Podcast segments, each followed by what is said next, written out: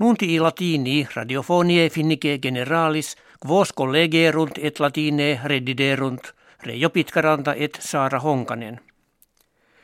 Complures moderatores politici europei in iis presidens finnie Sauli Niinistö Americanis dolorem suum obstragem in civitate connecticuta factam pronuntia verunt.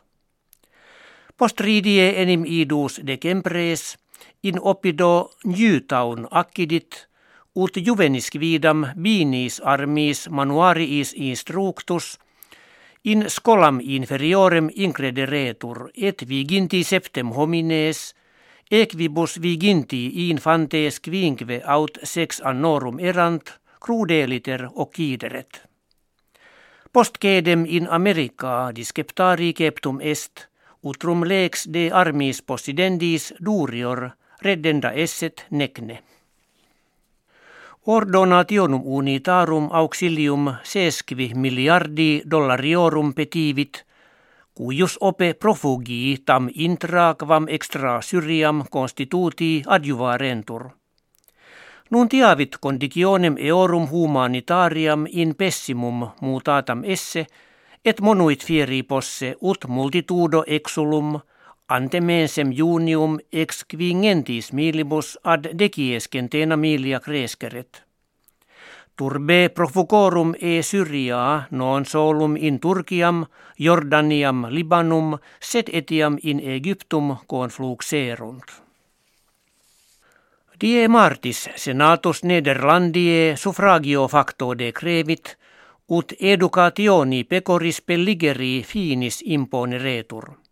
Nova lex tamen non statim, Sed post tempus transitorium id est annobis millesimo vigesimo quarto valere incipiet.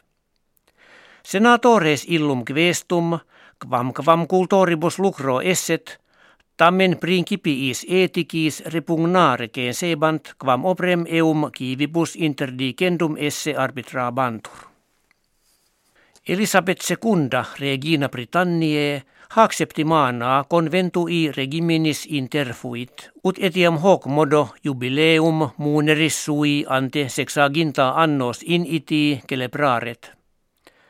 Quam rarus ille eventus fuerit inde apparet, quod post annum millesimum septingentesimum octogesimum primum, nemo rex vel regina Britanniae in pace, huius modi sessioni adfuit.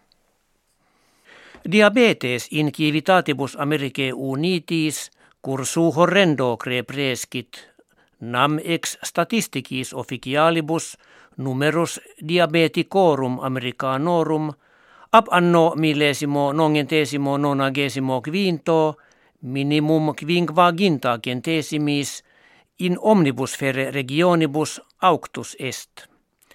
In duodeviginti civitatibus Quarum non nulle in partibus terre meridionalibus jacent, numerus morbo implicatorum duobus decenniis proxime preter itis plus quam duplicatus est.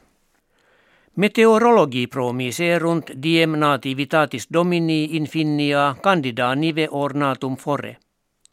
Negaverunt periculum esse ne celi status ante illam solemnitatem ita muta retur – ut nivium acervii, quorum altitudo inter decem et amplius quinquaginta centimetra variaret, subito solverentur. Imprimis in partibus finnie meridianis copia nivium solito major est. Septimana proxima dies nativitatis Christi celebrabitur, quam obrem auditoribus nostris bona natalia ex optamus valete.